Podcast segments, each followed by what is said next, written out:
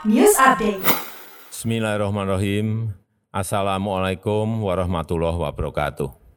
Salam sejahtera bagi kita semuanya. Om Swastiastu. Namo Buddhaya, salam kebajikan.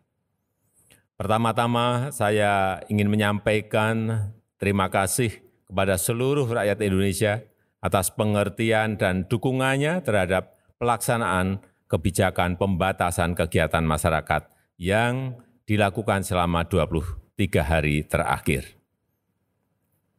Kita tahu saat ini sudah terjadi tren perbaikan dalam pengendalian pandemi COVID-19. Laju penambahan kasus, bor, dan positivity rate mulai menunjukkan tren penurunan seperti yang terjadi di beberapa provinsi di Jawa. Namun demikian, kita harus tetap berhati-hati dalam mensikapi tren perbaikan ini tetap harus selalu waspada menghadapi varian Delta yang sangat menular. Pertimbangan aspek kesehatan harus dihitung secara cermat dan pada saat yang sama aspek sosial ekonomi masyarakat khususnya pemenuhan kebutuhan hidup sehari-hari juga harus diprioritaskan.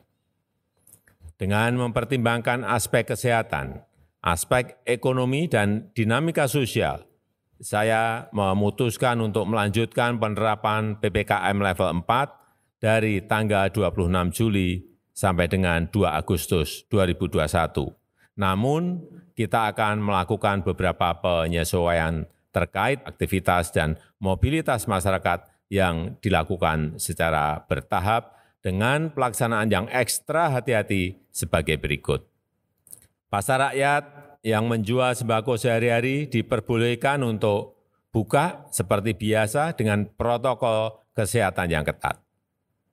Dan pasar rakyat yang menjual selain kebutuhan pokok sehari-hari bisa buka dengan kapasitas maksimum 50 persen sampai dengan pukul 15, di mana pengaturan lebih lanjut dilakukan oleh Pemda. Dagang kaki lima, toko kelontong, agen atau outlet voucher, pangkas rambut, laundry, pedagang asongan, bengkel kecil, cucian kendaraan, dan usaha-usaha kecil lain yang sejenis diizinkan buka dengan protokol kesehatan yang ketat sampai dengan pukul 21, yang pengaturan teknisnya diatur oleh pemerintah daerah. Warung makan, pedagang kaki lima, lapak jajanan, dan sejenisnya yang memiliki tempat usaha di ruang terbuka diizinkan buka dengan protokol kesehatan yang ketat sampai pukul 20 dan maksimum waktu makan untuk setiap pengunjung 20 menit. Hal-hal teknis lainnya akan dijelaskan oleh Menko dan Menteri terkait untuk mengurangi beban masyarakat akibat pandemi COVID-19 ini. Pemerintah juga meningkatkan pemberian bantuan sosial untuk masyarakat dan bantuan untuk usaha mikro kecil, dan penjelasan secara terperinci akan dilakukan oleh Menko atau Menteri terkait.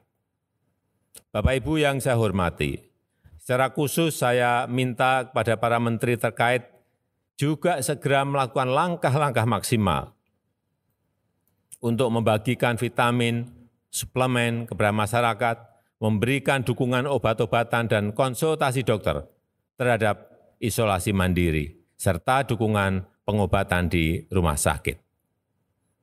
Angka kematian harus ditekan semaksimal mungkin, dan untuk daerah-daerah yang memiliki angka kematian yang tinggi, peningkatan kapasitas rumah sakit, isolasi terpusat, dan juga ketersediaan oksigen perlu ditingkatkan segera.